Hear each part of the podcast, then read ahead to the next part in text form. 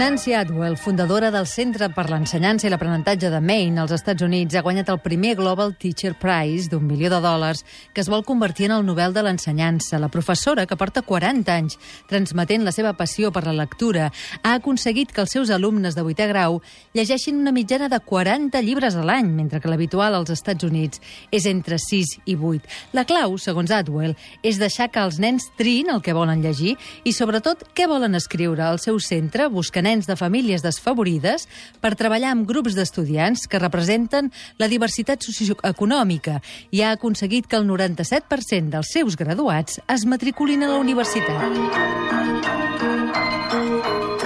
Nancy Atwell, he après i segueixo aprenent com fer que una escola sigui un lloc de felicitat i saviesa pels meus estudiants i per mi.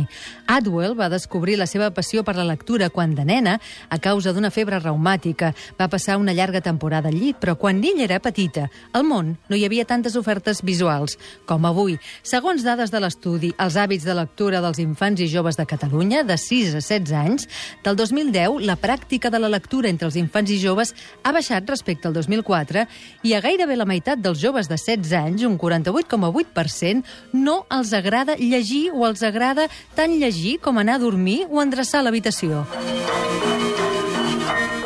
La professora Anna Teberoski compara aprendre a llegir i escriure a anar amb bicicleta. Regalem una bicicleta, un llibre, a la criatura perquè n'aprengui o li regalem quan ja en sap. Habitualment els donem llibres abans que sàpiguen llegir-los, perquè la família i l'escola és la lectora al principi i després ho serà ell. Tant és així que, segons l'estudi sobre lectura, a l'hora d'escollir un llibre, el nen fa més cas a la família que als professors o amics.